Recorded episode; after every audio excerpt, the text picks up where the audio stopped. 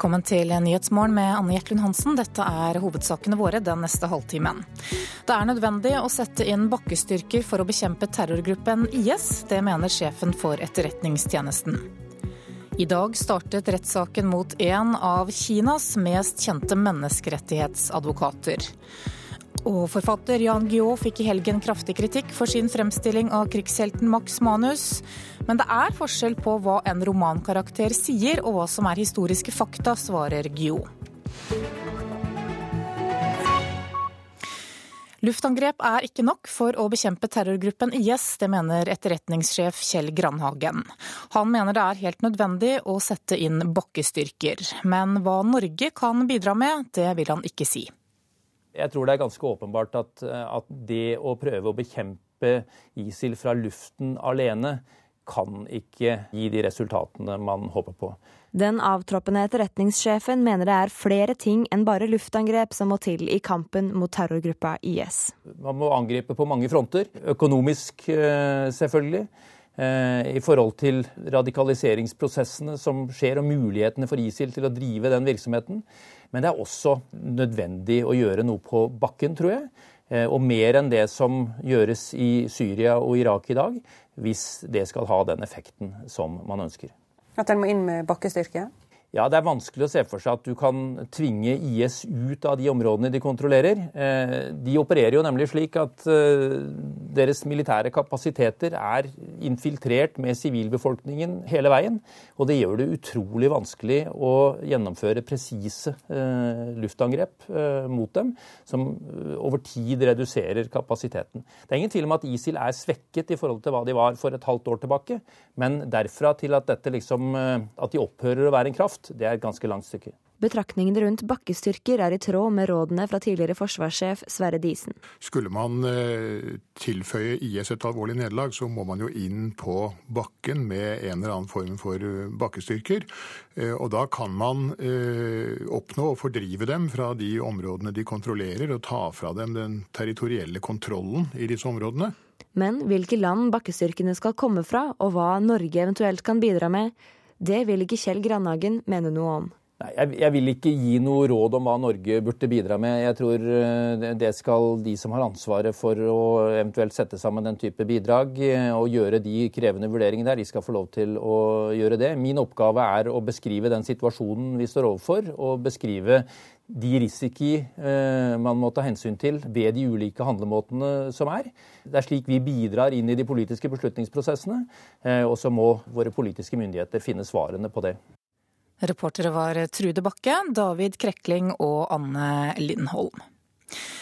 I dag startet rettssaken mot en av Kinas mest kjente menneskerettighetsadvokater. Han risikerer åtte års fengsel for, som det heter, å ha oppfordret til etnisk hat og for å provosere frem krangler.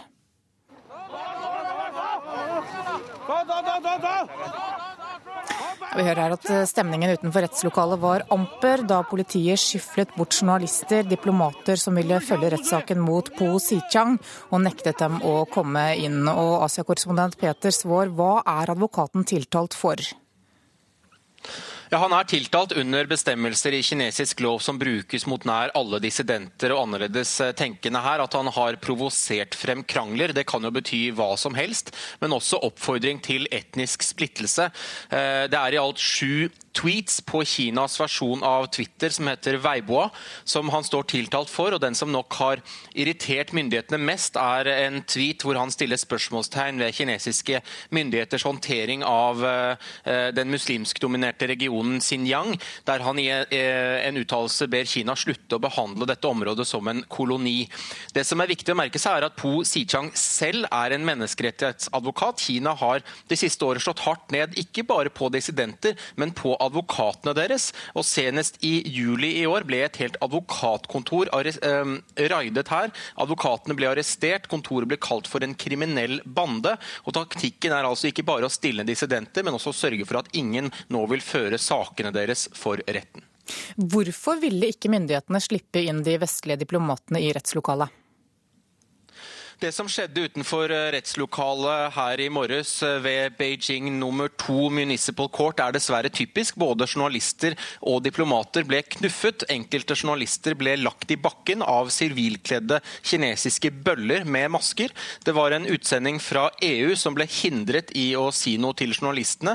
Og USAs førstesekretær her, Dan Beers, ble dyttet vekk av disse bøllene da han ga uttrykk for amerikansk bekymring rundt hvordan en menneskerettsadvokat blir stilt for retten på vage anklager. Han ba Kina om å respektere sin egen grunnlov, og dette liker ikke Kina og ser på som utenlandsk innblanding i innenlandske forhold.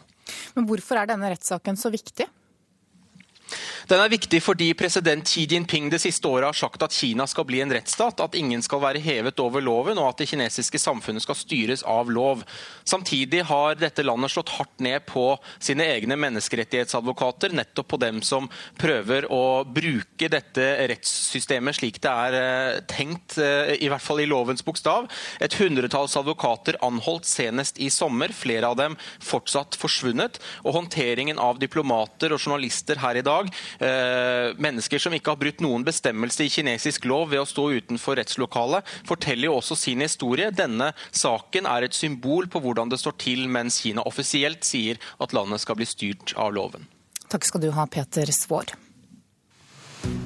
skal vi se hva avisene har på forsidene sine i dag. Dagens Næringsliv skriver at bremsene er satt på i Økokrim. I år har enheten bare satt i gang etterforskning i 15 nye saker. Og etter sommeren så har nesten alle nye anmeldelser blitt liggende helt i ro. Mer norsk trygd havner i utlandet, skriver Dagsavisen. Det dreier seg om 6 milliarder kroner per år. To tredeler av disse pengene går til norske statsborgere, resten går til svensker og polakker. Nå begynner jobben for å nå klimamålene, fastslår Klassekampen. KrF krever at statsminister Erna Solberg raskt legger frem en detaljert plan for hvordan Norge skal oppfylle den historiske avtalen fra Paris. Venstre mener at dersom avtalen skal få betydning, så må Norge også forsterke innsatsen dramatisk. Hei då, det er overskriften i Aftenposten. Nå drar svenskene hjem igjen, ifølge avisen, etter ti år der mange svensker har valgt å komme til landet vårt. Prest Anna Ramskov Laursen ber om at kors blir fjernet fra asylmottakene, skriver Vårt Land. Hun sier afghanske asylsøkere risikerer livet ved å bo i mottak med kristne symboler. Ni av ti lokalpolitikere i Fremskrittspartiet mener kommunen deres ikke har kapasitet til å ta imot flere flyktninger. Det viser en undersøkelse Nasjonen har gjort. I de andre partiene mener minst halvparten at det er mulig å ta imot flere. Bergens Tidende forteller at tidligere skipsreder Torunn Økland vil omgjøre villaen på Minde til asylmottak med plass til 50. I tillegg planlegger hun et mottak for 630 asylsøkere på Austevoll. VG forteller om en 49 år gammel mann som i fjor ble ansett som en trussel og utvist fra landet. Nå er det en tidligere talsmann for Profetens Umma kriger for terrorgruppen IS i Irak, ifølge avisen. Forfatter og islamkritiker Hege Storhaug snakker ut i Dagbladet i dag om bråket rundt henne den siste tiden. Hun mener det er politikerne som skaper frykt, og ikke henne. Mens Finansavisen skriver at skatteendringene for aksjer og utbytte gir økt pågang hos advokatfirmaene nå før nyttår.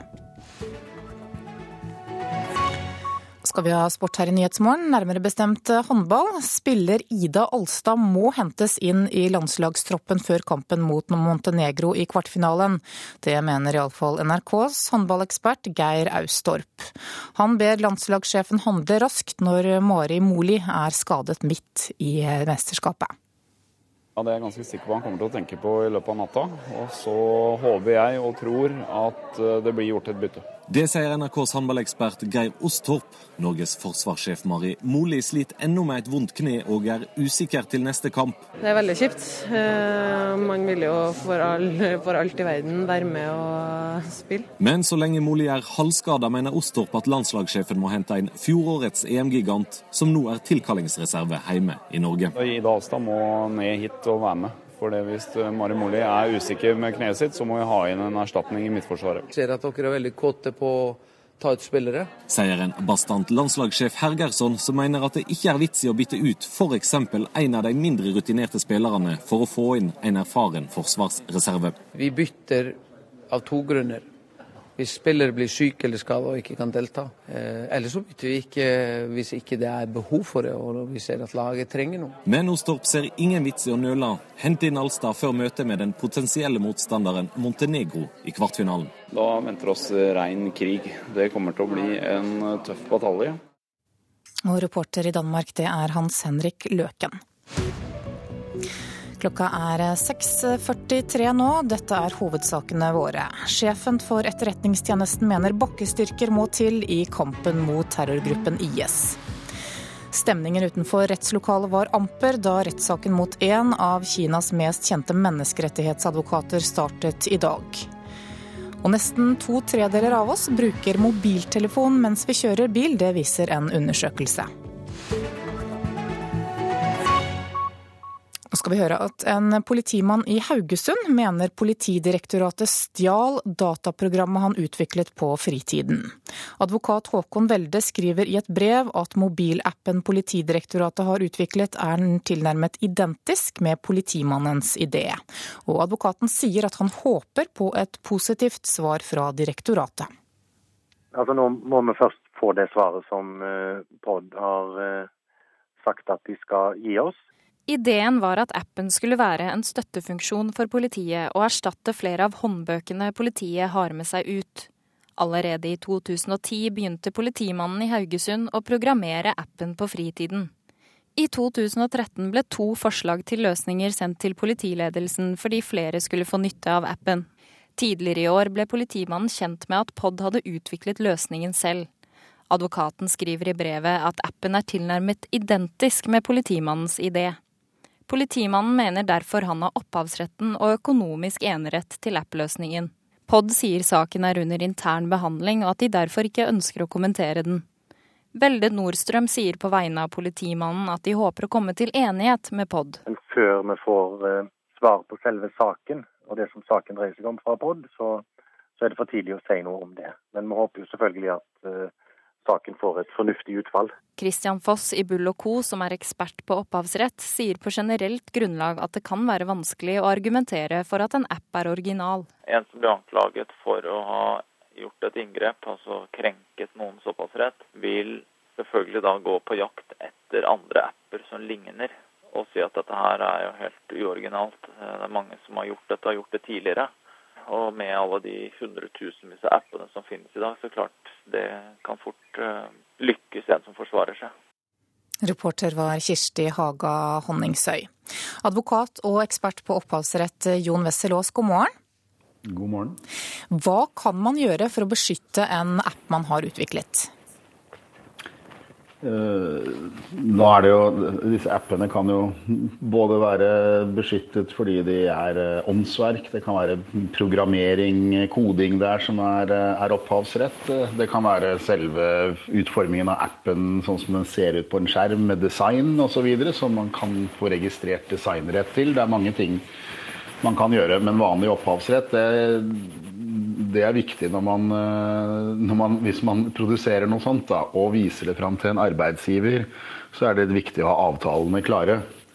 Eh, hvis man er ansatt et sted for å lage apper, eh, så er det ganske klart at da går rettighetene over til arbeidsgiver. Når du lager det for arbeidsgiver, akkurat som du lager journalistikk for NRK, så er jo det opphavsrett, det også. Men det ligger liksom i arbeidsavtalens natur at det går over til NRK.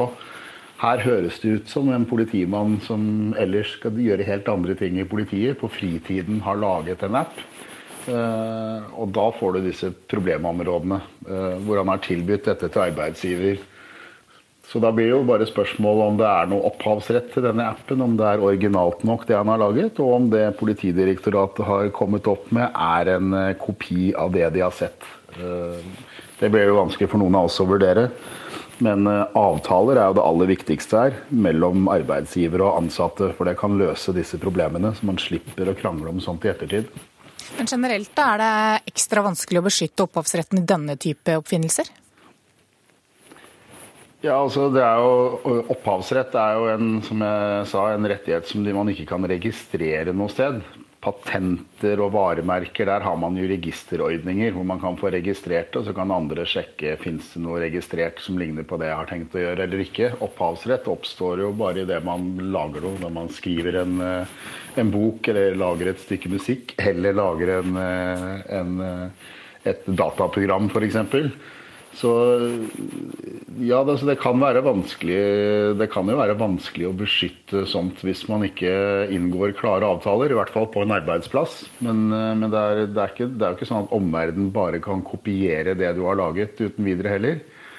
Men med opphavsrett så forutsetter eh, det at den som har laget noe, har sett ditt verk først. Det går ikke an å krenke opphavsrett uten at man har kjent til originalverket. for å si det sånn. Så du kan si To stykker kan helt uavhengig av hverandre lage eh, en identisk app. Hvis ingen av dem har sett den andres app, så vil begge ha likeverdige rettigheter til det. Så her er det, I dette tilfellet er det da viktig at den som viser fram eh, noe de har, en app de har laget, eller noe annet åndsverk de har laget for noen andre, med håp om at de har lyst til å betale for å bruke det, at man har inngår klare avtaler allerede da eh, om hva som skjer dersom de andre lar seg inspirere og jobber videre med det. Men Går det an å søke patentbeskyttelse for apper? Nei, altså i, i, utgangspunktet ikke. Patentbeskyttelse det går jo på tekniske nyvinninger. ikke sant? Klassiske er jo sånn gammel ingeniørkunst. ikke sant? At uh, Sånne rare maskiner som gjør det ene eller det andre. Tekniske løsninger. Opphavsrett det går jo mer på uh, uttrykk. Ikke sant? I skrift eller musikk eller et, et, dataprogram som på en måte er et slags språk med, med, med noe annet enn bokstaver. Eh, men du kan jo få beskyttet eh, design på en app, f.eks. Altså hvis det er noe på, på, selve ikonet som brukes. Men det som er inni det som får en app til å virke, det er jo eh, som vanligvis det er et dataprogram. Og hvis det er originalt nok, så får du rettigheter til det bare ved å ha laget det. Men du kan ikke få registrert opphavsrettigheter på noen måte. Du må bare du må, du må bare forfølge krenkelser av dem når du oppdager dem. Advokat og ekspert på opphavsrett Jon Wessel-Aas, takk for at du var med i Nyhetsmorgen. Det er forskjell på hva en romankarakter sier og hva som er historiske fakta. Det sier forfatter Jan Guillaud etter at han i helgen fikk massiv kritikk for sin nye roman. I Aftenposten på søndag så reagerte både arvinger, forfattere og en historiker på hvordan han fremstiller krigshelten Max Manus.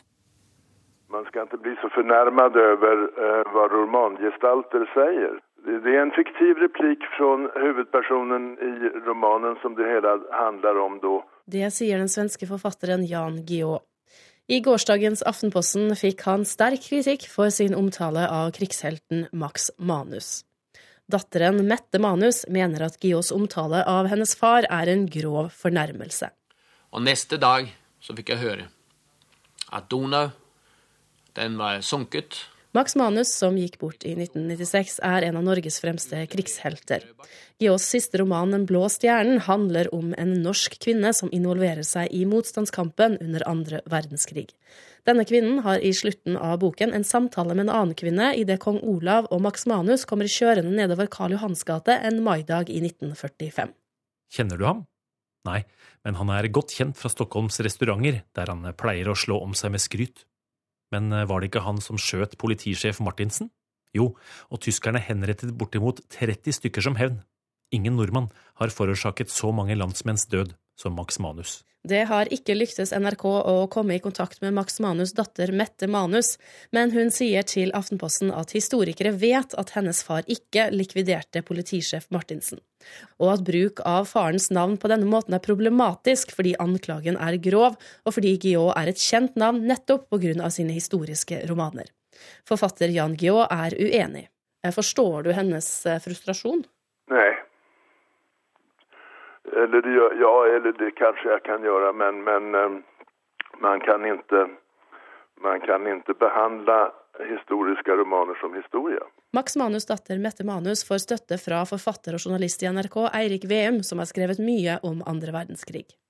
Problemet her er at man skriver om en hendelse som har skjedd, og man skriver om forhold som, eh, som er virkelige, men man blander da inn en person som også er ekte, men som ikke var involvert i det.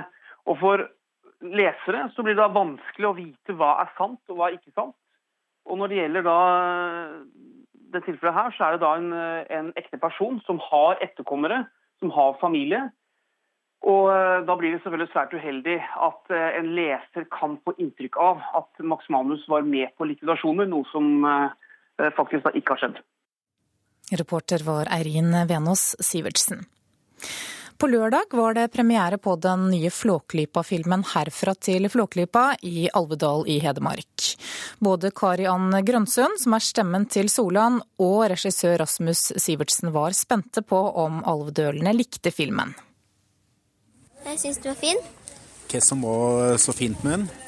Eh, at uh, Solan Eller Solan var så snill og eh, dytta osten Pip, pip, pip. Vi må stoppe henne der, så vi ikke røper for mye for de som ikke har sett filmen ennå. Den har nemlig ikke vanlig norgespremiere før første juledag.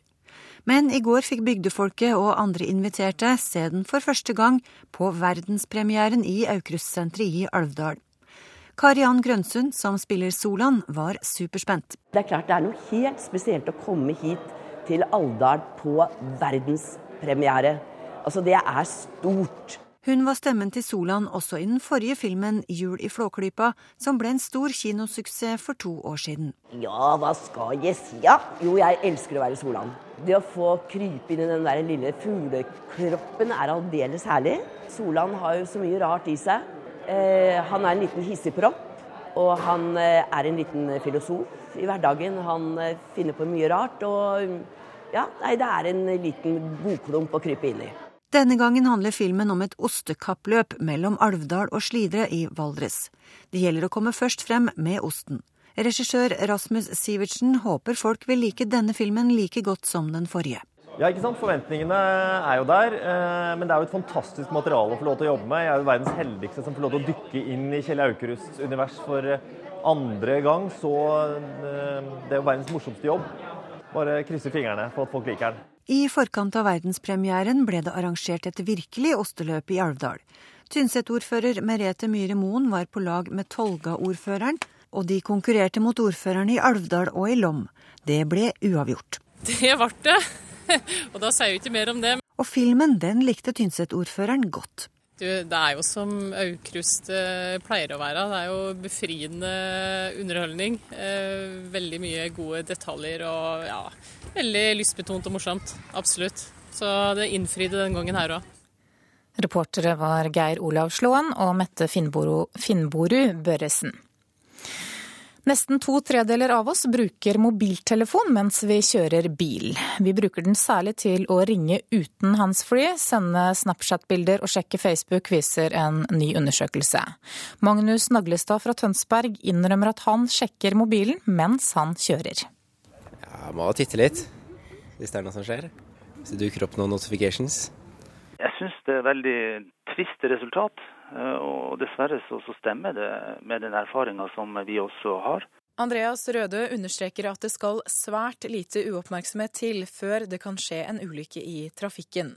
Og uh, I verste fall så kan man jo snakke om tiendedeler av et sekund med uoppmerksomhet. Så kan det være nok. I en undersøkelse Hugo har utført for Kodan forsikring, sier to tredjedeler av de spurte at de bruker mobilen mens de kjører bil.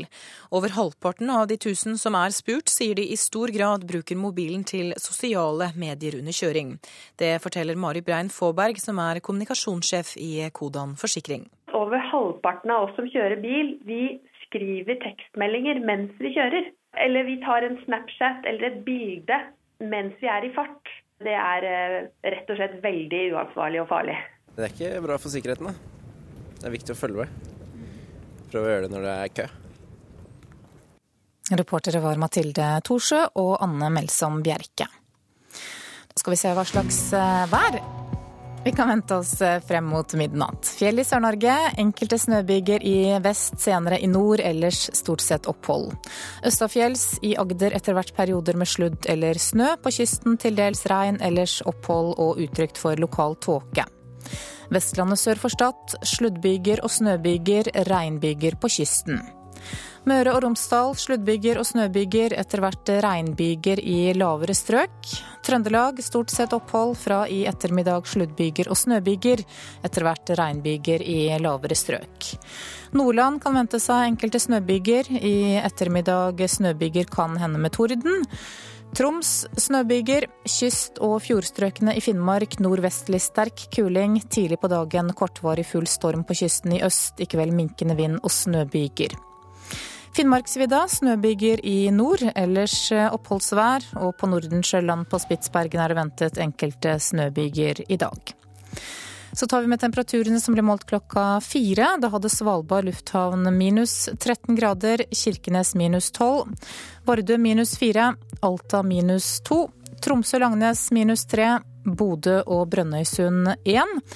Trondheim minus tre, Molde og Bergen én, Stavanger tre, Kristiansand minus tre, Gardermoen og Lillehammer minus ti.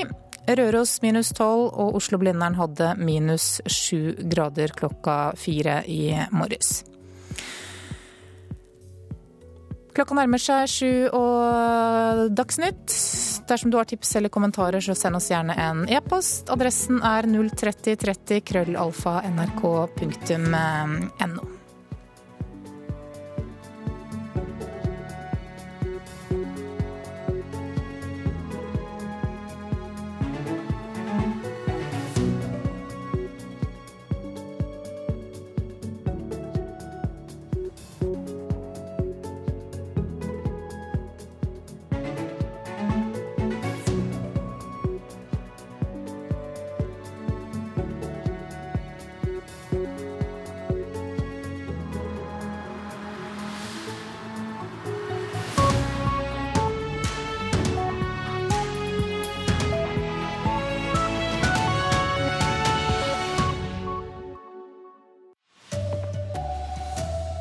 Det er plass til enda flere flyktninger her i landet, mener lokalpolitikerne.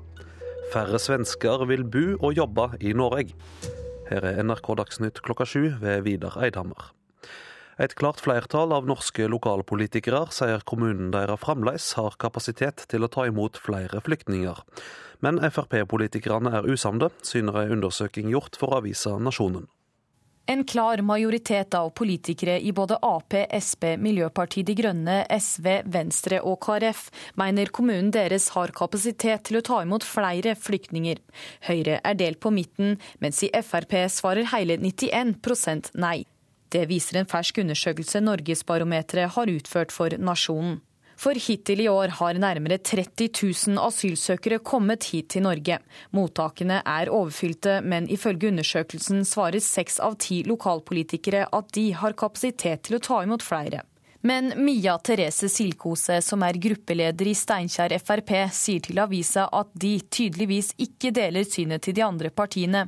Hun mener kapasiteten i egen kommune er sprengt, og at det virker som den er det over hele landet. Reporter Liv Rønnaug Lille Aasen. Forslaget fra helseminister Bent Høie om å lovfeste retten til venteliste for sykehjemsplass får sterk kritikk. Både Helsedirektoratet og Legeforeningen mener forslaget kan skape forvirring blant de gamle. Pasientombudet frykter forslaget kan svekke rettstryggheten til pasientene, og kommunene sin organisasjon KS frykter mer byråkratisering. Helseministeren sjøl mener derimot at de eldre som trenger sykehjemsplass, vil få bedre retter. Etter ti år med sterk svensk innvandring har pilene nå snudd. I år kan det bli nedgang i tallet på svensker som bor og jobber i Norge. Du finner dem bak bardisken i klesbutikkene, på kafeer og ellers i arbeidslivet i Norge. Tallet på svensker i landet dobla seg fra starten av 2000-tallet, og særlig fram til 2011. Men nå har trenden snudd, skriver Aftenposten i dag. Fra april til september i år forlot over 2000 svensker Norge, medan 1800 flytta hit. Dersom utviklinga holder fram ut året, kan 2015 bli første året siden årtusenskiftet at det blir færre svensker bosatt i Norge. At svenskene forlater landet, overrasker ikke sjeføkonom i Svedbank, Harald Magnus Andreassen. Det siste året har etterspørnaden etter arbeidskraft i Norge blitt mye lågere, samtidig som etterspørnaden er veldig høy i Sverige. Lønna i Norge har også blitt mindre verdt sammenlikna med den svenske pga. kronekursen, sier Andreassen til avisa. Sa reporter Katrine Nybø. Og det var NRK Dagsnytt.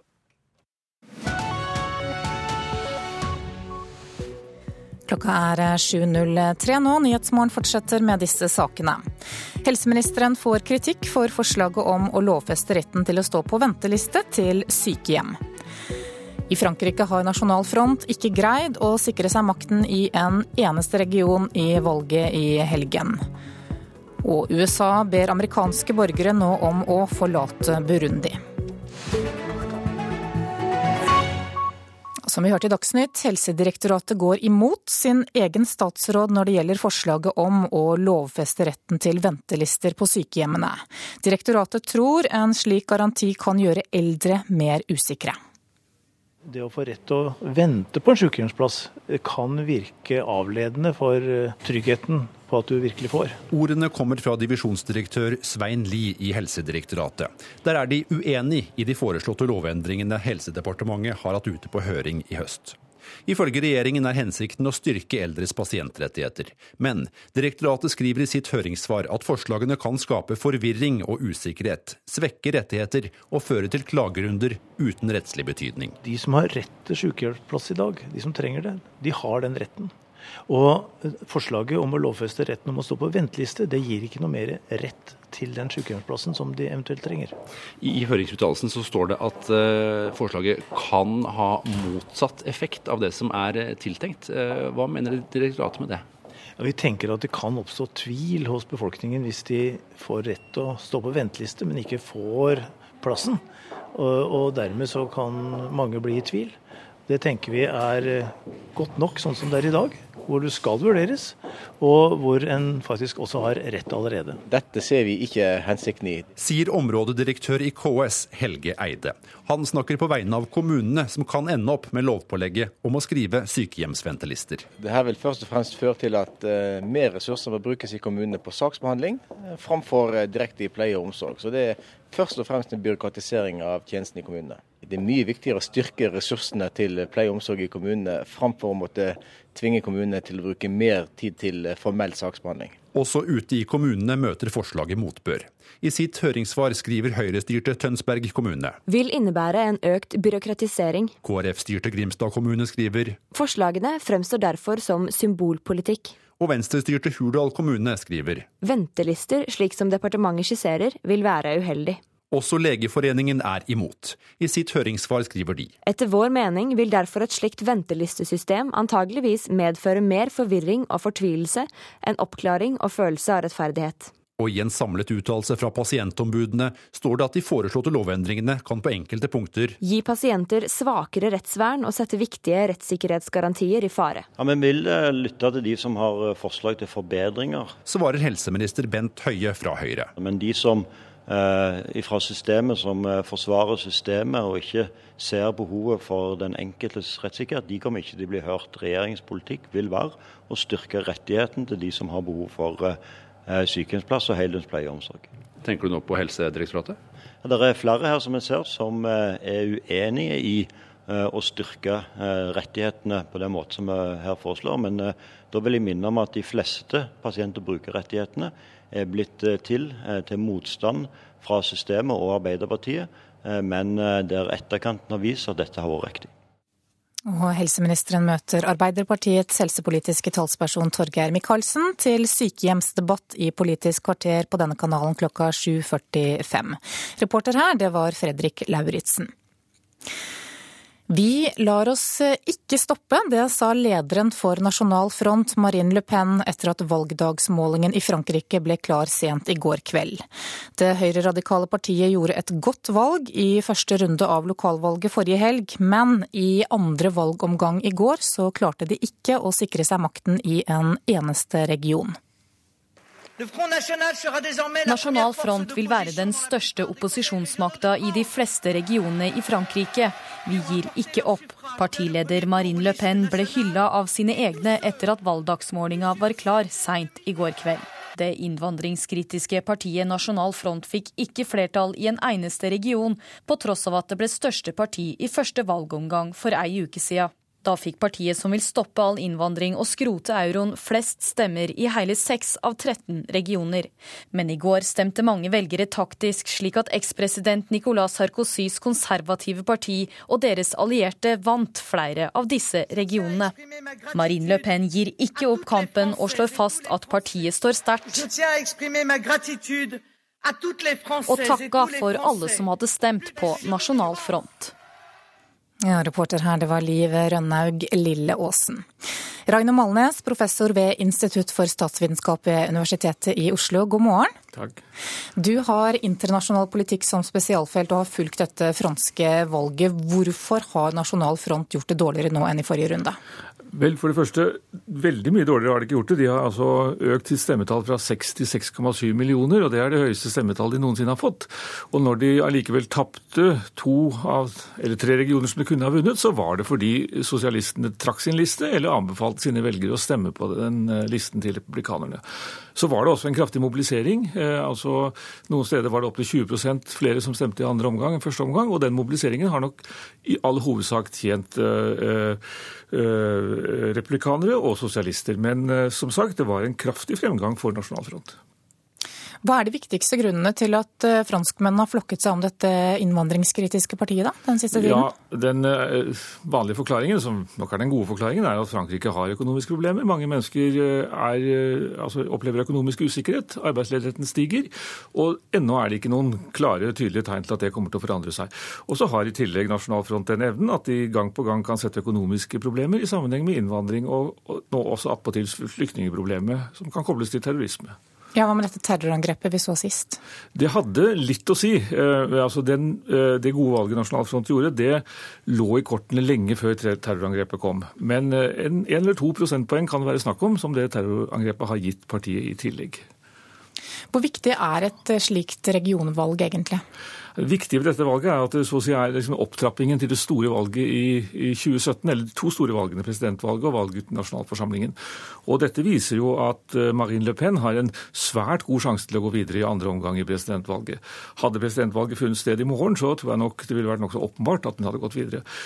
Men så kommer veldig mye an på hvordan, eh, ja, for det første på venstresiden, om man klarer å samle seg om én kandidat. Det har venstresiden tidligere hatt store problemer med og ikke klart.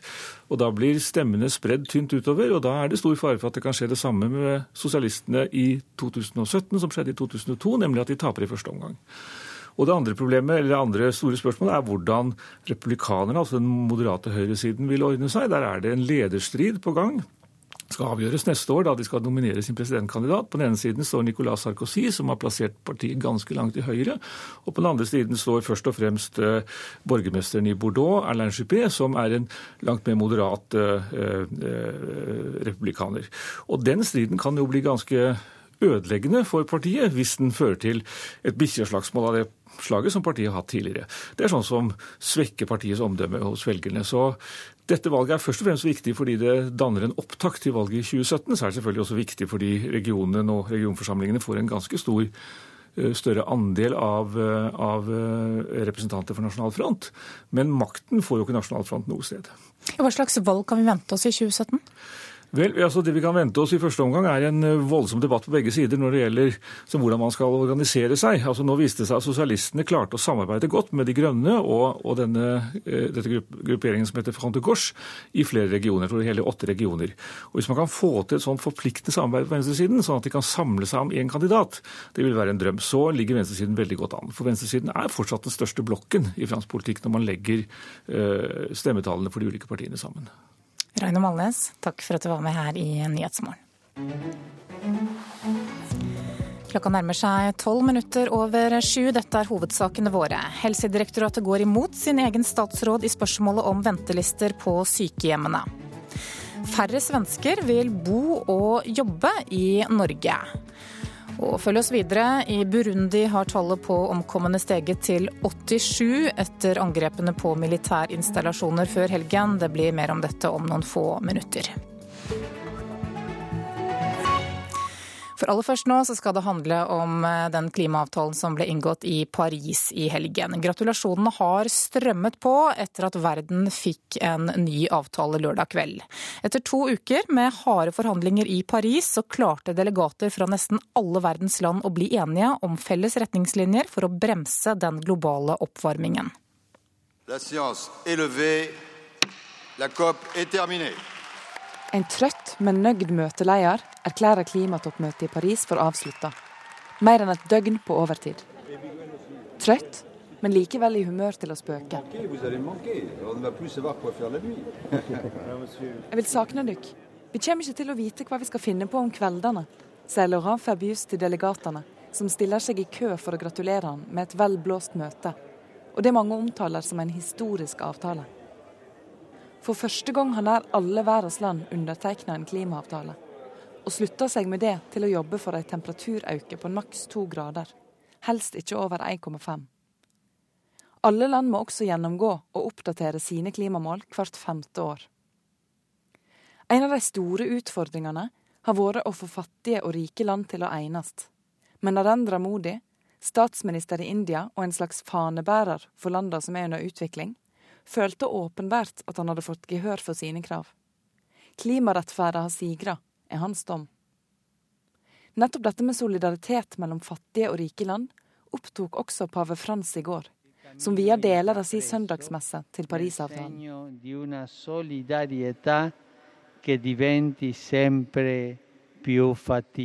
Selv om tilbakemeldingene stort sett har vært positive, har ikke avtalen vært skåna for kritikk. Mange miljøaktivister mener den ikke går langt nok.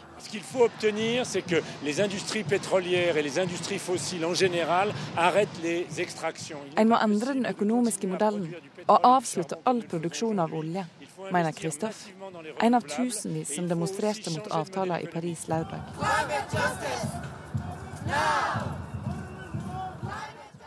Reporter var Gunhild Årdal. Kristin Halvorsen, direktør ved CICERO senter for klimaforskning, god morgen. God morgen. Jeg tror vi begynner med det siste her. Ja. Aktivistene sier altså at all oljeproduksjon må stanses for å nå målene i avtalen. Stemmer det? Eh, hvis man skal ta målet om halvannen grad, som jo er nevnt i, i avtalen, på alvor, så har vi brukt opp alle karbonreservene våre omtrent når avtalen skal begynne å virke, nemlig 2020. Men det er jo noe av det som er svakheten ved avtalen. At når vi ser på hver eneste artikkel som står der, så er f.eks. utslippsmålene eh, veldig vage. Eh, og, og, og eh, det er ingen som skal, eller sier hvor mye som skal kuttes eh, når. Men det er en oppfølging hvert eh, femte år. Dette med tap og skade har fått en egen paragraf. Veldig viktig for de landene som lider mest under de klimaendringene som alle vet eh, kommer. Og, det er, kan, og er strammere når det gjelder finansiering.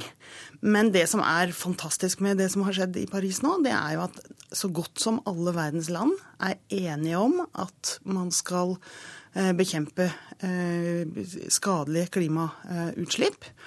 Og dermed så har man jo en veldig klar beskjed til alle som skal gjøre store og små investeringer framover, f.eks. Du kan ikke vite om et kullkraftverk er eh, lønnsomt om 20 år og 30 år. Det visste du for så vidt ikke før Paris heller. Men sannsynligheten for at, eh, at eh, den typen investeringer har gått ut på dato, den er mye større nå enn før. Så det forandrer seg kanskje litt fortere i virkeligheten enn det gjør i selve avtalen. Det ble jo skålet i champagne i Paris lørdag kveld, men flere forskere mener at målet om at temperaturen på jorda ikke skal stige mer enn 1,5 grad er helt urealistisk. Hva mener du? Ja, det er det. Rett og slett fordi at vi har et karbonbudsjett som vi nesten har brukt opp hvis vi skal klare å holde global oppvarming under halvannen eh, grad.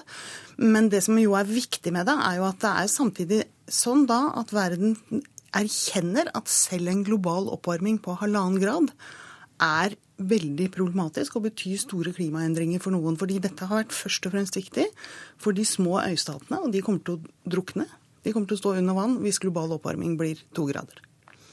Hva kommer avtalen til å bety for norsk politikk og norsk næringsliv fremover? Ja, Det er jo det som nå blir veldig spennende. For nå må jo hvert enkelt land de må gå til seg sjøl og se hvordan skal vi følge opp våre forpliktelser. Og Den jobben gjenstår jo for Norge og de fleste andre land. Men det som har vært veldig positivt ved denne avtalen, det er jo at man har meldt inn på forhånd hva man har tenkt å gjennomføre av utslippskutt. Og Det betyr at over 180 land de har allerede gått igjennom hva slags ambisjonsnivå de skal ha, og hvordan de eh, skal gjøre det. Eh, og signalet til næringslivet og alle investorer er jo veldig veldig tydelig. Vi skal fra et fossilt økonomisk system og til et fornybar system. Så retningen er satt veldig klart. Det kan være mye å si på enkeltparagrafer i avtalen, men det er ikke noe tvil om hvor vi skal. Og dermed tror jeg at det grønne skiftet kan komme fortere enn vi tror i dag. Men hva er det første regjeringa må, må, begynne med nå, da? Ja, Nå skal jo vi bli et fullverdig medlem av EUs utslippsregime. Så nå kommer det jo i Norge til å begynne forhandlinger om hvordan det skal eh, gjennomføres. Eh, og så blir det jo spørsmål om vi må bidra eh, til utslippsreduksjoner i andre land. Det er mange av de landene som rammes mest av klimaendringene, som er de som har minst skylda for at de skjer, og største økonomiske behov for å få gjennomført de tiltakene som skal til. Eh, og samtidig så må jo jobben gjøres her hjemme. Hvordan kan vi sikre da at eh, landene faktisk innfrir de løftene som denne avtalen innebærer? Ja, Det er jo ikke noen straff knytta til å bryte denne avtalen.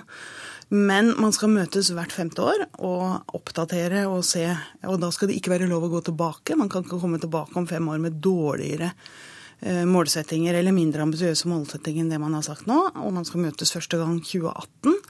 Eh, så det ligger jo et, eh, et trykk og en forventning rundt at alle land skal innfri. Og det skal også selv om disse forpliktelsene som landene har meldt inn er veldig forskjellige, så skal det etableres et, et ekspertutvalg som skal gå gjennom og se om man Eh, følger sine egne forpliktelser. Så det, det, er ingen tvil om retningen. Det er heller ingen tvil om at dette er noe som nå alle land faktisk sier at eh, man skal få til. Og så eh, er det selvfølgelig ikke sånn at avtalen er perfekt. Men du høres optimistisk ut? Jeg tror at den retningen vi nå skal gå i, er så tydelig, og at det er en veldig styrke i at nesten alle verdens land stiller seg bak den retningen, og at det vil ha en egendynamikk som går ut over selve avtalen. Både fordi at så mange tok jobben før Paris, eh, og fordi at eh, det er, det er, det er ikke noe tvil om hvor mye skal lenger. Kristin Halvorsen, takk for at du var med her i Nyhetsmorgen. Da skal vi videre til eh, Burundi. USA ber nå amerikanske borgere om å forlate landet. Tallet på omkomne har steget til 87 etter angrepene på militærinstallasjoner på fredag. Og Afrikakorrespondent Sverre Tom Radøy, hvordan er situasjonen i dette lille østafrikanske landet nå? Det er svært, svært spent. Det er altså meldt om uh, at folk finner omkomne på, på gatene i, ganske stort antall i løpet av helgen. Det var uh, et angrep mot tre ulike militære installasjoner som da har ført til uh, de siste ofrene. Antall ofre får vi nok antall ikke vite. Tallet er de offisielle militæres tall. Det som skjedde var at det var en helt ny type aksjon, nemlig en koordinering koordinert aksjon mot tre militære installasjoner, noe som fikk eh, kuppordet til å, å, svirre rundt. En, eh, en, eh, tidligere general som sto kuppmakerne i Mai nært, sier at det nok ikke var kupp, men at de ikke vil gi seg før presidenten må gå av. Situasjonen er svært, svært spent. Journalister holder en lav profil. Det er vanskelig å jobbe i landet, og det pleier jo vi journalister å se på som en veldig farlig indikator. Hvorfor øker volden nå?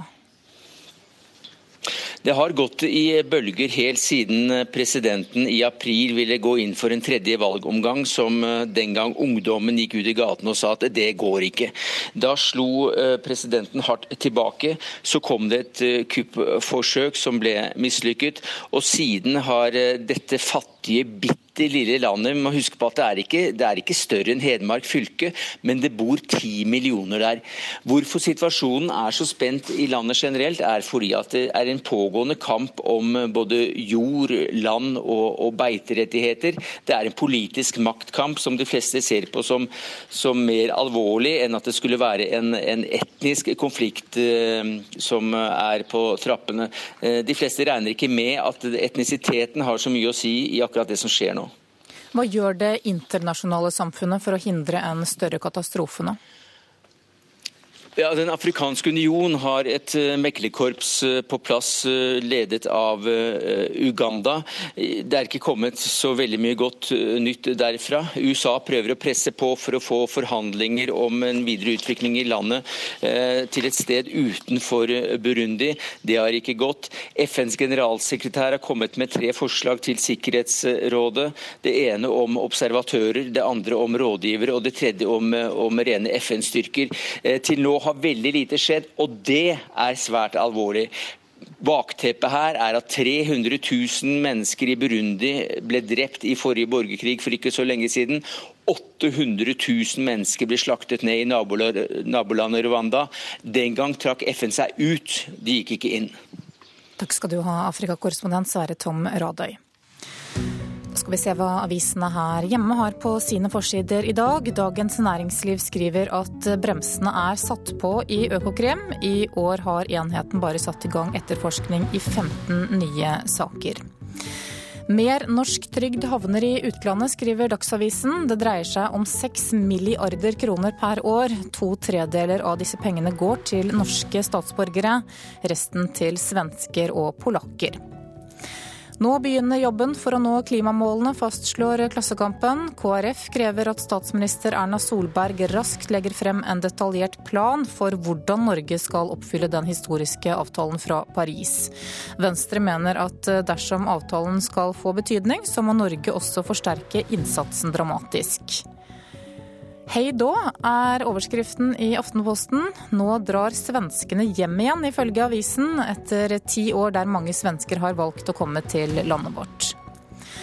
Prest Anna Ramskov Laursen ber om at kors blir fjernet fra asylmottakene, skriver Vårt Land. Hun sier at afghanske asylsøkere risikerer livet ved å bo på mottak med kristne symboler. Ni av ti lokalpolitikere i Fremskrittspartiet mener kommunen deres ikke har kapasitet til å ta imot flere flyktninger. Det viser en undersøkelse Nasjonen har gjort. I de andre partiene mener minst halvparten at det er mulig å ta imot flere. Bergens Tidende forteller at tidligere skipsreder Torunn Økland vil gjøre om en villa til asylmottak med plass til 50. Og I tillegg så planlegger hun et mottak for 630 asylsøkere på Austevoll. VG forteller om en 49 år gammel mann som i fjor ble ansett som en trussel og utvist fra landet. Nå er den tidligere talsmannen for profetens Umma kriger for terrorgruppen IS i Irak, ifølge avisen.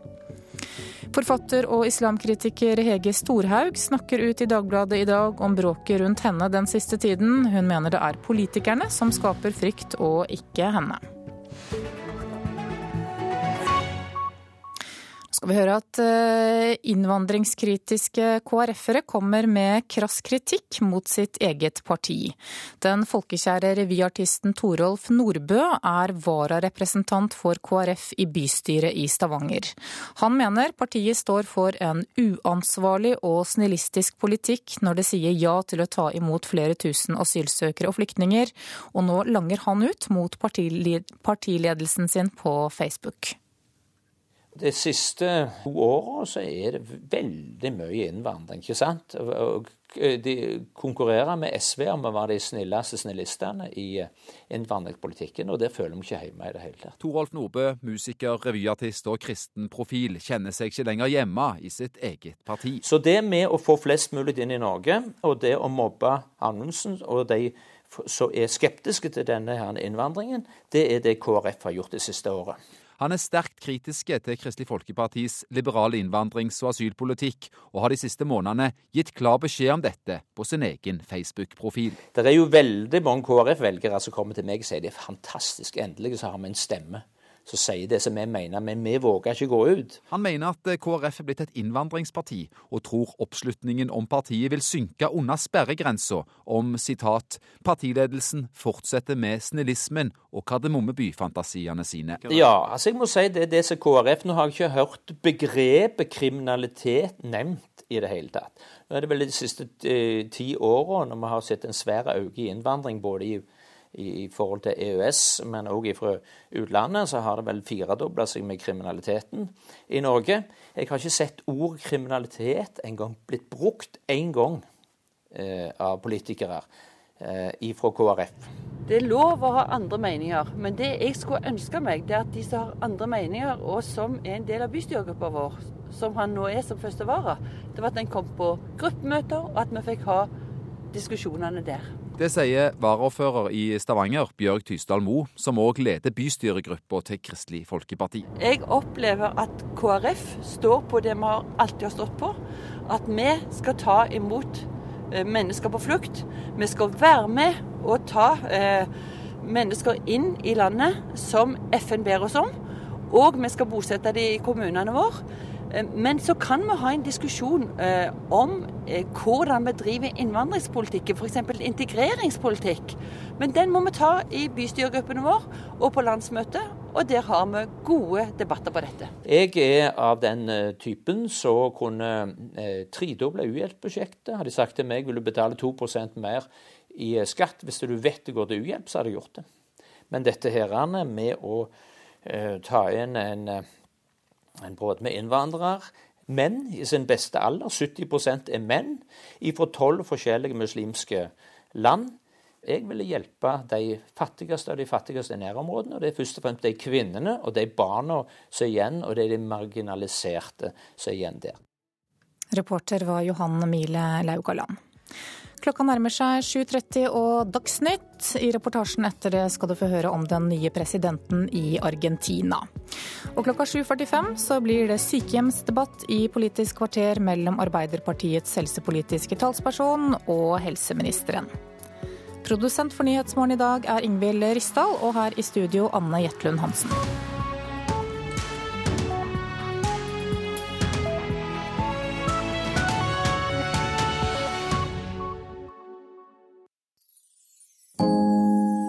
Jeg heter Hilde Hagerup. I mitt jul i P2 skal jeg snakke om det å lese og det å skrive, og om verden. Den verden som er langt borte, og den som er helt nær. Møt forfatteren Hilde Hagerup, artisten Hanne Krogh og snekkeren Ole Torstensen i Jul i P2. Jul i P2. Starter lille julaften.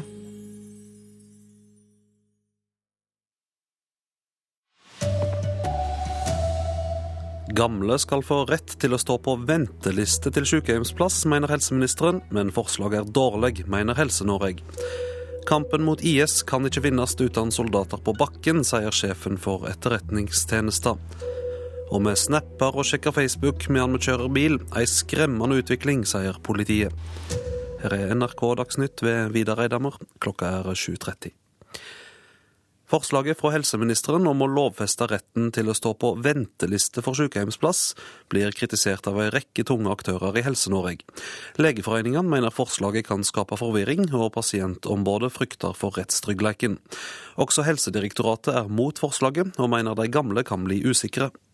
Det å få rett til å vente på en sykehjemsplass kan virke avledende for eh, tryggheten på at du virkelig får. Ordene kommer fra divisjonsdirektør Svein Lie i Helsedirektoratet. Der er de uenig i de foreslåtte lovendringene Helsedepartementet har hatt ute på høring i høst.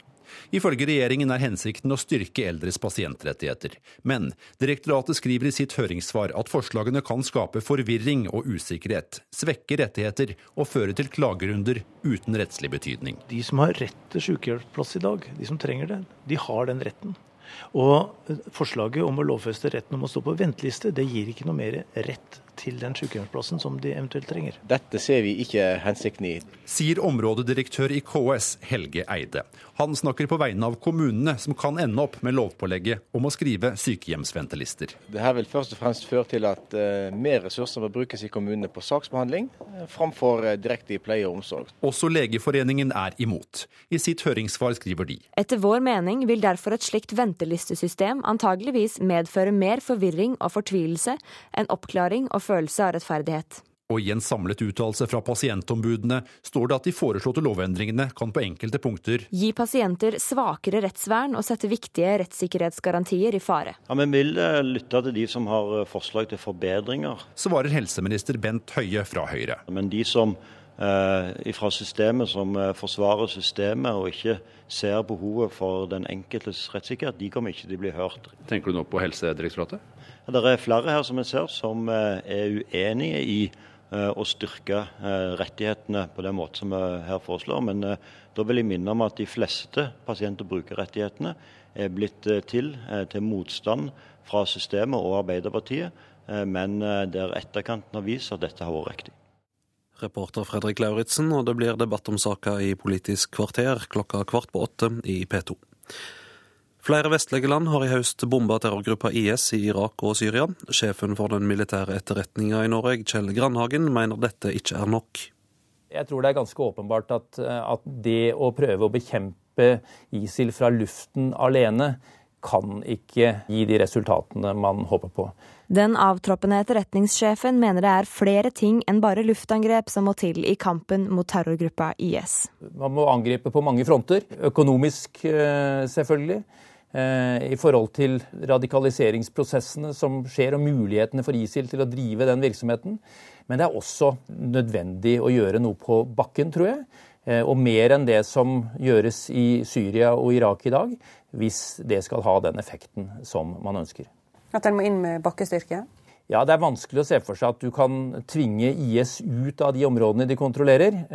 De opererer jo nemlig slik at deres militære kapasiteter er infiltrert med sivilbefolkningen hele veien.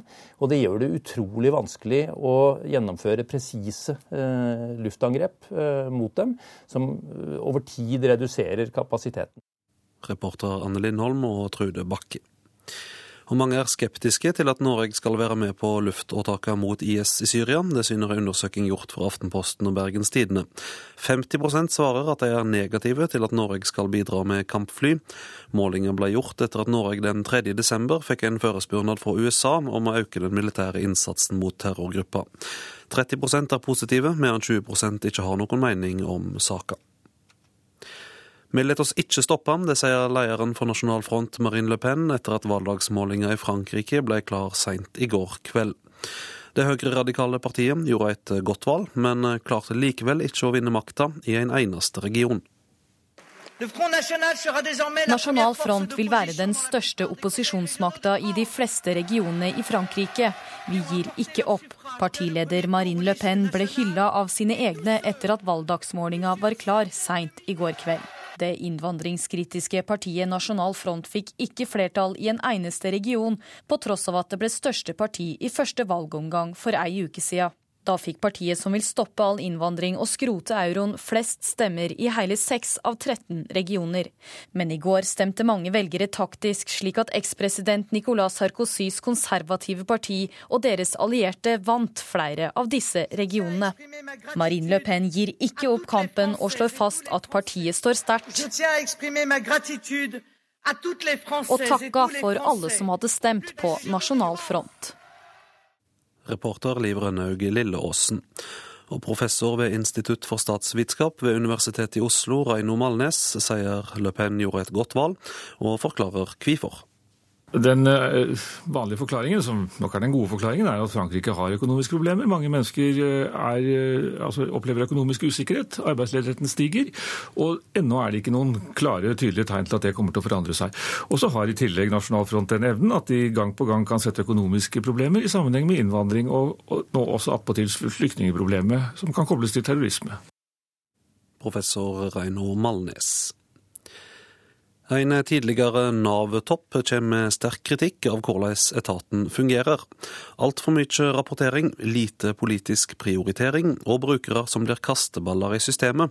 Det er noe av det Bjørn Gudbjørgsrud skildrer til Klassekampen. Det er ingen andre land som har valgt å organisere velferdstjenester på, på, denne måten. Det er det kanskje en god, eh, god grunn for. Løsningen, mener Gudbjørgsrud, er at Nav må splittes opp i mindre enheter, der pensjoner må bli en egen etat. Han forteller også at i dag brukes altfor mye tid på rapportering, fordi Nav-kontorene eies av både stat og kommune. Organisasjonen er eh, for stor. Dvs. Si at eh, det er så mange målsettinger og så kryssende målsettinger eh, at det er vanskelig å drive på en god måte. Det andre er at organisasjonen har en ineffektiv styringsmodell. Og Det går først og fremst på at kommune og stat skal eie Nav-kontorene i fellesskap. Det gjør det vanskelig å drive på en effektiv og god måte. Gudbjørgsrud var tjenestedirektør i Nav fram til oktober, og hadde bl.a. ansvaret for alle landets Nav-kontor. Han beskriver et system som ikke kommer brukerne til gode. Et system som ikke bidrar til å gi brukerne den hjelpen de kunne fått. Eh, konsekvensen av det ble at det blir veldig lang avstand fra brukerne opp til det besluttende ledd. Det blir vanskelig for brukerne å komme i kontakt med saksbehandlerne sine. Eh, og det gjør at organisasjonen kanskje ikke klarer å levere så godt som man skulle ønske at den kunne gjøre. Det sa Bjørn Gudbjørgsrud, og arbeids- og sosialminister Robert Eriksson avviser kritikken i en e-post til Klassekampen. Han skriver at topplederne gir signal om at Nav fungerer bedre nå enn før. Reporter var Erlend Kjernli.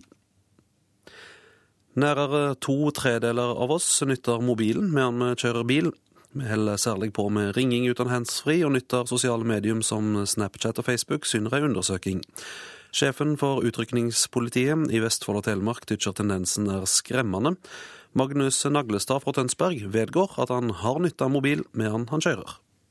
Ja, må titte litt hvis det er noe som skjer. Hvis det dukker opp noen notifications. Jeg syns det er veldig trist resultat, og dessverre så, så stemmer det med den erfaringa som vi også har. Andreas Røde understreker at det skal svært lite uoppmerksomhet til før det kan skje en ulykke i trafikken. Og eh, i verste fall så kan man jo snakke om tiendedel av et sekund med uoppmerksomhet, så kan det være nok. I en undersøkelse Hugo har utført for Kodan Forsikring, sier to tredjedeler av de spurte at de bruker mobilen mens de kjører bil. Over halvparten av de tusen som er spurt, sier de i stor grad bruker mobilen til sosiale medier under kjøring. Det forteller Mari Brein Faaberg, som er kommunikasjonssjef i Kodan Forsikring. Over halvparten av oss som kjører bil, vi skriver tekstmeldinger mens vi kjører. Eller vi tar en Snapchat eller et bilde mens vi er i fart. Det er eh, rett og slett veldig uansvarlig og farlig. Egentlig, folk er gale. Altså, det er jo skummelt. Og det er skummelt å tenke på at når jeg selv er ute i trafikken, så sitter det andre sjåfører som er, med, som er opptatt av andre ting enn eh, trafikken og veien.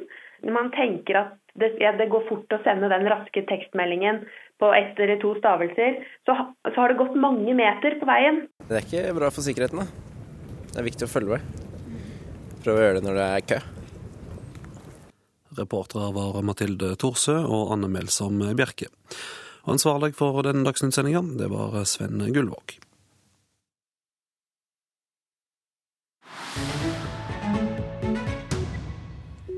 Klokka er 7.40 nå, og Nyhetsmorgen fortsetter.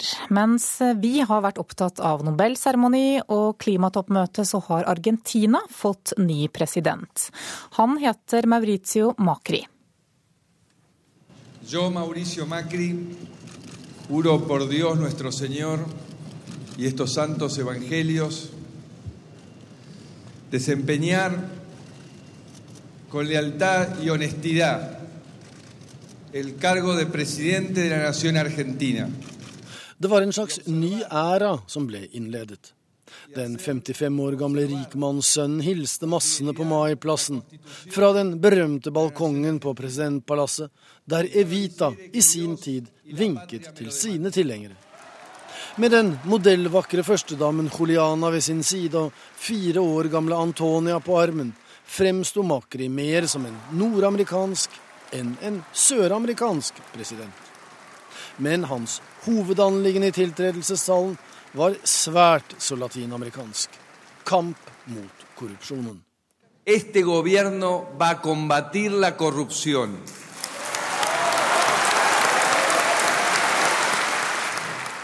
For første gang på 100 år har Argentina fått en folkevalgt president som ikke kommer fra et av de to dominerende partiene, Peronistpartiet og De radikale, de siste tolv årene har det antikapitalistiske nasjonalistekteparet Kirchner Fernandes styrt verdens åttende største land i utstrekning. Den økonomiske situasjonen i landet har forverret seg i disse årene, og den politiske avstanden til Washington har økt betraktelig. Begge disse forhold vil Makri gjøre noe med. Den tidligere forretningsmannen vil åpne økonomien, samt distansere seg fra landene på den latinamerikanske venstresiden, som for eksempel Venezuela. Hebede Bonafini, som er leder for menneskerettighetsgruppen Mødrene på Maiplassen, ser kraftig mørkt på å ha en businessmann som president. Un hombre que, se cree que el país es una empresa, un hombre que hizo un discurso que da vergüenza, que se sirvió de la Suprema Corte para que le los. Hebe de Bonafini er engstelig for at Makri skal bruke rettsapparatet politisk, noe han avviser. Uavhengige dommere er helt grunnleggende i et demokrati, sier Argentinas nye president. En nuestro gobierno no habrá jueces macristas. No existe justicia ni democracia sin justicia independiente. Det er noe forfinet, nærmest aristokratisk over Mauricio Macri. Men så kommer han da også fra en av Argentinas mest fornemme og formuende familier. Han ble først landskjent da han ble kidnappet i de urolige årene etter at diktaturet falt. Han ble holdt i tolv dager, men løslatt da familien angivelig betalte seks millioner dollar i løsepenger.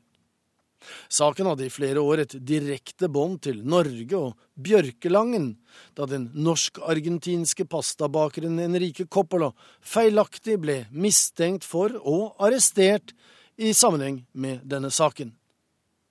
Etter den ubehagelige gisselopplevelsen bestemte Makeri seg for å gå inn i politikken, og han var i flere år borgermester i Buenos Aires, samtidig som han parallelt var direktør for byens og landets mest populære fotballklubb, Boca Juniors.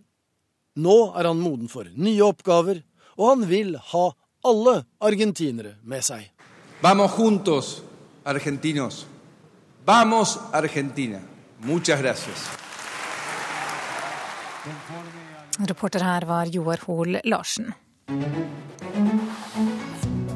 7.44 er klokka nå. Dette er hovedsaker i Nyhetsmorgen. Helseministeren får kritikk for forslaget om å lovfeste retten til å stå på venteliste til sykehjem. Det blir det straks debatt om i Politisk kvarter. Vi kan ikke vinne kampen mot terrorgruppen IS uten soldater på bakken. Det sier sjefen for Etterretningstjenesten. Og I Frankrike har partiet Nasjonal Front ikke greid å sikre seg makten i en eneste region i valget i helgen, men partiet fikk likevel stor oppslutning blant velgerne. Klokka nærmer seg 7.45, og du skal få Politisk kvarter. Programleder i dag heter Astrid Randen.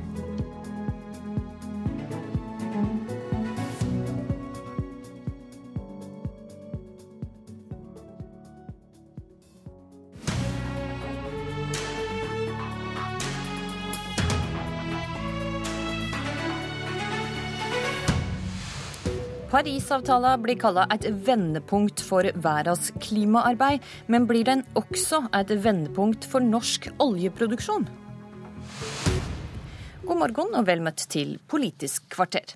Den nye klimaavtalen gir ingen grunn til å stanse norsk oljeleiting og produksjon. Det sa oljeminister Tord Lien i helga. Og klima- og miljøminister Tine Sundtoft fra Høyre, du er tilbake fra Paris og er med oss her i Politisk kvarter. Er du enig med oljeministeren? Kan norsk oljeproduksjon fortsette akkurat som før? Kan ikke fortsette akkurat som før. Parisavtalen blir et vendepunkt for all politikk. Det Tord Lien også sa, er at de mest CO2-intensive feltene blir ikke lønnsomme. Det kommer til å være helt andre lønnsomhetsberegninger av olje- og gassproduksjon fremover som følge av Parisavtalen. Mm. Men, men det, dette er sånn typisk det som skjer, at ting blir dratt i sånn ekstreme vendinger fra å si at det nesten skal slutte med olje og gass over natta, til at vi skal fortsette som før. Jeg tror sannheten ligger et sted midt imellom. Det kommer til å bli endring som følge av Parisavtalen. Rett og slett for at markedet kommer også til å reagere annerledes. At når verden går mot fornybar energi, det er definitivt. Så Tord Lien har altså trukket det litt langt. Han ja. tar feil når han sier at dette får ingen konsekvenser for norsk oljeproduksjon. Det jeg prøvde å si, at du tok første del av sitatet fra Tord Lien, og du tok ikke det andre. For dette henger sammen. Det vil få konsekvenser. Men, Men i det første delen av sitatet, der han slår fast at dette får ingen konsekvenser, så tar han altså feil. Det er ingen grunn til å forsikre oljebransjen i Norge om dette. Markedet kommer til å reagere annerledes etter Parisavtalen. Men norsk olje- og gassproduksjon er en del av kvotesystemet. Kom, kvoteprisen kommer til å gå opp som følge av Parisavtalen. Eh, norsk olje og gass har også CO2-avgift, men vi har også verdens mest eh, miljøvennlige oljeproduksjon i Norge. Vi, vi, det kommer ikke til å bli slutt på olje og gass de første tiårene, men at verden går mot fornybar, det er definitivt. Så det kommer til å bli helt andre lønnsomhetsberegninger på dette fremover. Trine Skei Grande, leder i Venstre. Hvem bør folk høre på? Oljeministeren eller klimaministeren? De bør vel høre på klimaministeren som har signert en avtale på vegne av hele regjeringa. Eh, og dette er litt sånn eh, Fremskrittspartiet holder på med med dobbeltkommunisering. Eh, det at man signerer en avtale som er ekstremt ambisiøs. Og det er ikke bare at man presses til å signere en avtale, man har faktisk vært pådriver for det. Så klimaministeren skal ha masse skryt for å ha vært aktiv for å få en så ambisiøs klimaavtale på plass. Og det er kjempebra. Men, og da er jeg opptatt av at nå må vi slutte å lure folk må slutte å lure dem som skal investere i norsk næringsliv. Må slutte å lure norsk oljeindustri og si at det ikke blir endringer. For det kommer til å bli store endringer fremover.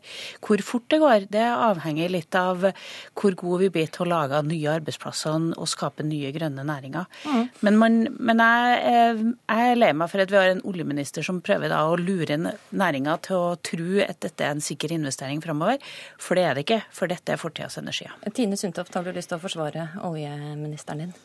Ja, jeg har forsvart det med å si at han sa også at de mest CO2-intensive kommer ikke til å bli lønnsomme. Vi må se Trine Skei Grande sitter her og sier at han lurer folk, og at han dobbeltkommuniserer. Jeg tror at uh, olje- og gasselskapene er fullt ut selv i stand til å gjøre sine lønnsomhetsberegninger. De kommer til å være annerledes nå etter Parisavtalen. Vi kommer til å se at verden kommer til å investere mer i fornybar energi, men at norsk gass er en viktig uh, i overgangen fra å fase ut kull. Eh, det er også en del av dette virkelighetsbildet. Men det er her det blir liksom litt dumt når debattene blir dratt for langt i begge retninger. Trine Skei Grande, du mener at klimaavtalen i Paris må få konsekvenser for bl.a. Lofoten? Ja, det er soleklart. Vi bør ikke bygge ut noen nye felter. Og vi ser jo det at det skjer også rundt omkring i verden. Det er Helt nord i Alaska og sånn, så stopper man nå. For det er de feltene som ikke kommer til å bli lønnsomme framover, først. Hva bør da, staten da gjøre med de tilskuddsordningene som en har til oljebransjen i dag? Jo, vi har jo i dag et system der f.eks. leteboring betales så å si rett av oljefondet vårt. Så hvis du bor i en brønn for å se om du finner olje, så er det egentlig oljefondet vårt eller vårt felles pensjonsfond som betaler det. Og det må vi, det må vi finne ordninger der vi slutter med. Fordi at nå, nå har vi noe, Det fører til investeringer på de feil områdene. Så jeg tenkte, Hvis jeg hadde hatt en milliard som jeg skulle investere i norsk næringsliv, så hadde ikke jeg villet gjort det på å finne på bord letebrønner i områder der vi aldri tror at den leteboringa kommer til å føre til lønnsom oljedrift. Da må vi investere i andre deler av norsk næringsliv, andre energiformer og de grønne næringene som vi skal leve av framover. Mm. Så, og det er jo sikkert Tine Sundtoft eh, enig i, men er du også enig enig i at vi ikke må drive leiteboring i nye felt i nord nå? Eh, igjen, jeg sier Det kommer til å være helt andre lønnsomhetsberegninger på dette. Markedet kommer til i mye større grad uh, løse noen av disse utfordringene. Det ja, Det er én ting, at markedet kommer til å løse noen av utfordringene. Men, men ønsker du, og vil du legge opp til, at regjeringa gir tilskudd til selskap som vil drive leiteboring i eh, nord? Tilskudd er jo et feil ord. Vi har et skattesystem for norsk olje og gass, som også betyr at eh, staten får stor, eh, stor andel av den inntekten i andre enden. Så det er noe med de ordene vi også bruker her. Men det regjeringen Men ønsker har du gjort at skattesystemet skal fortsette slik som det er i dag, der det er relativt gunstige ordninger for oljebransjen for å drive leiteboring? Nå er det jo akkurat lagt fram en grønn skattekommisjon. Det å virkelig se på hele skatte- og avgiftspolitikken i lys av Parisavtalen vil være viktig fremover.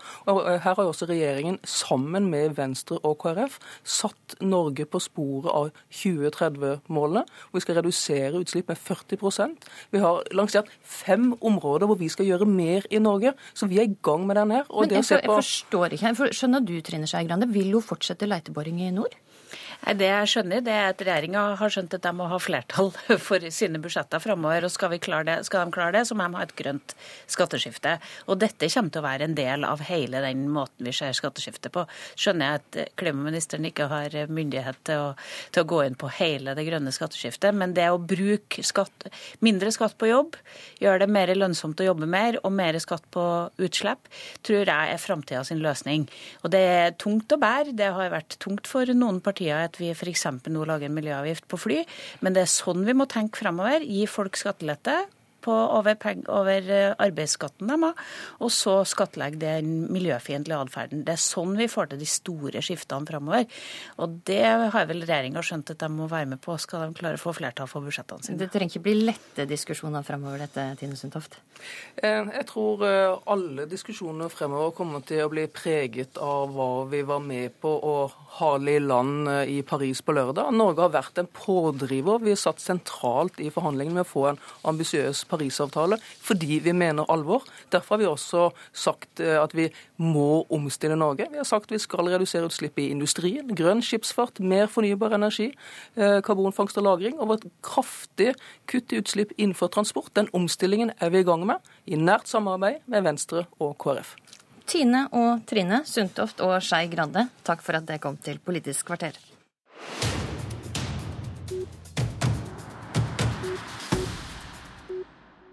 I regjeringsplattformen står det at regjeringa ønsker å innføre en rett til sykehjemsplass for de som har behov for det. Nå er forslaget ute på høring, og der får det gjennomgå. Departementet sitt eget fagdirektorat, Helsedirektoratet, bruker ord som unødvendig byråkrati. Det vil være uten rettslig betydning for den enkelte, og i praksis svekke den enkelte sin rett. Kommunene sin organisasjon, KS, sier dette først og fremst vil føre til at en bruker mer ressurser på saksbehandling framfor pleie og omsorg. Og, og slik kunne jeg fortsatt. Helseminister Bent Høie fra Høyre, vil du fremdeles innføre en rett til alle til sykehusplass? Ja, dette er en, ikke bare en del av samarbeidsavtalen mellom, mellom eller regjeringsplattformen, dette er også en del av samarbeidsavtalen med KrF og, og Venstre. Og alle disse fire partiene ønsker å styrke rettighetene til de som har behov for sykehjemsplass sykehjemsplasser, heldøgns pleie og omsorg. Så er det noen av høringsinnspillene som uh, vi kan se på for å forbedre det vi har foreslått. Men de som går imot ideen om å styrke rettigheten til de som har behov for sykehjemsplass, de vil ikke bli hørt. Og Helsedirektoratet f.eks. i sin høringsuttalelse, når de sier at dette i realiteten er et forsterket virkemiddel etter deres syn, så er jeg uenig i det. Nettopp fordi at vi har behov for dette. Og for å få fart i kommunenes planlegging og utbygging av flere sykehjemsplasser. Vi har nå brukt gulroten. Kommunen får nå dekka halvparten av investeringskostnadene hvis de bygger sykehjemsplasser. Det har gitt gode resultater, men vi må få ytterligere opp farten. Og da må vi òg styrke rettigheten til de som har behov for sykehjemsplass. Torgeir Micaelsen, helsepolitisk talsperson i Arbeiderpartiet. Det er skeptiske til regjeringa sitt forslag. Hva mener du Høie bør gjøre? Ja, altså Vi har jo vært avventende skeptiske. Jeg har ikke brukt storslega mot dette. Det er det jo helt andre aktører som nå NRK viser har gjort. Og når Høie da påpeker og tolker Helsedirektoratet, altså hans eget fagdirektorats høringsuttalelse på den måten han gjør, så er det litt sånn som Frp tolker klimavitenskapen. altså Da hører du bare det du vil høre. Dette er total slakt, og grunnen til at det er slakt, det er at, som Høie selv skriver i sitt eget høringsforslag, dette vil ikke gi noen økte rettigheter. Dette vil ikke være rettslig bindende. Eh, og det kan føre til forvirring og økt byråkrati. Og det tenker jeg at det det handler om da, er at eh, vi har allerede gode rettigheter på papiret for eh, pleietrengende i Norge. Problemet er at det ikke er nok virkemidler både på sykehjem, omsorgsboliger, hjemmetjenester, flere kompetente ansatte, som er hovedproblemet i norsk eldreomsorg. Og da hjelper det ikke å innføre nye papirtigre. For de står jo i ditt eget høringsforslag at dette vil ikke bidra til noen økte rettigheter. Vil dette bli en eh, papirrettighet eh, og føre til en byro unødvendig byråkratisering? Nei. Eh, for det første så er det sånn at Så Helsedirektoratet tar feil, rett og slett? Ja, på noen områder tar Helsedirektoratet her feil. For det første så er det sånn at at uh, vi gjør òg uh, de andre ting som er nødvendige. For jeg er helt enig, det hjelper ikke å ha rett til sykehjemsplass hvis det ikke er en sykehjemsplass. Det er jo grunnen til at vi har forbedra tilskuddsordningen for kommunen så tydelig som gjør at vi nå inngår, inngår et samarbeid med KS for å sikre at det blir eh, mer fart i planlegging og utbygging av sykehjemsplasser, og at vi styrker òg eh, kvalitet, kompetanse og ledelse på det området. Men vi mener òg at eh, de eldre og de pårørende som har behov for en sykehjemsplass, har, bedre, har, behov for en bedre rettstilstand enn i dag. Og det er helt riktig. Men den blir jo ikke bedre, hevda ditt eget fagdirektorat. Det er helt riktig, fordi denne lovforslaget har ulike elementer. Det første gjelder en presisering av dagens rett. Og Det er jeg helt enig i. Det innebærer ikke en styrking av rettighetene. Men det at vi òg eh, stiller krav om at eh, kommunene i første omgang må lage forskrifter som beskriver hvem som har behov for å få vedtak om sykehjemsplass, og i neste omgang skal innføre en statlig, statlige normer for dette. Det vil, og det kommer også veldig tydelig fram i høringsnotatet, det vil bety en styrka eh, rettighet for, eh, for, innbyggerne og kunne ha økonomiske konsekvenser for, for kommunene i, i, neste omgang. Det, det høres jo veldig fint ut da, Michaelsen, å få en rett til en sykehjemsplass hvis du er pårørende og må ta deg av din Absolutt, og jeg, jeg, er tilhenger av nye forslag som kan bidra til å forsterke rettsvernet og forsterke eh, rettighetene til de eldste pasientene. Men poenget er jo at hans eget fagdirektorat er jo én ting. KS sier det samme. Legeforeningen, en rekke av hans egne lokalpolitikere ute i kommunestyrene sier jo akkurat det samme, at dette kan bidra til forvirring. At det i verste fall gjør ting verre. Og Da tenker jeg at da bør du tenke deg nøye om. Og så hører jeg en del av denne nytalen som regjeringen holder på med rundt eldreomsorgen. Vi har åtte års erfaring med at f.eks. det Høie peker på at eh, at det nå øker byggingen av heldøgns bemannede omsorgsboliger eller sykehjemsplasser ikke er det samme som at de faktisk blir bygd. Så jeg er opptatt av nå nå må vi komme et steg videre i denne debatten. Ikke snakke om sånne markedsføringsjippoer som regjeringen foreslo her egentlig i realiteten. Midt i valgkampen kom dette forslaget. Nå har vi fasiten, og det er ikke veldig pent. Ja, så dette er ikke noe nytt. Eh, alle, de aller fleste av pasientrettighetene er innført i Norge. Det er motstand fra systemet og fra Arbeiderpartiet. Eh, det har vi sett eh, gang på gang, og det er de samme argumentene som brukes. Eh, men eh, når eh, rettigheten er innført, så ser vi at det har betydning. Og det at f.eks. at vi i dag er i en situasjon der det er umulig å vite hvor mange reelt sett som venter på sykehjemsplass, det bidrar jo til at kommunene ikke har det presset på seg som de skulle hatt. Lokalpolitikerne vet ikke hvor mange som venter på sykehjemsplass. I realiteten så er det mange lokalpolitikere som går rundt og tror at deres kommune har full sykehjemsdekning fordi at uh, han ikke fører, fører, fører ventelister. Det gjør jo at du nettopp ikke får det trykket som det er behov for. Mange eldre òg opplever at uh, siden dagens rettighet er bare begrenset til de som absolutt må ha sykehjemsplass, som ikke kan få et forsvarlig tilbud der en plass, så er det jo mange, både eldre og deres pårørende, som opplever at kommunen ikke ser dem. At de får vedtak om eh, hjemmebaserte tjenester istedenfor sykehjemsplass. Og det skaper usikkerhet, det skaper uro. Og denne modellen den er, ikke, den er, ikke, teoretisk, den eksisterer i Stavanger i dag med veldig gode resultater. Bent Høie, der må jeg dessverre avslutte. Takk for at du kom til Politisk kvarter. Takk også til det, Torgeir Micaelsen. Denne sendinga går mot slutten. I studio i dag tidlig var Astrid Randen.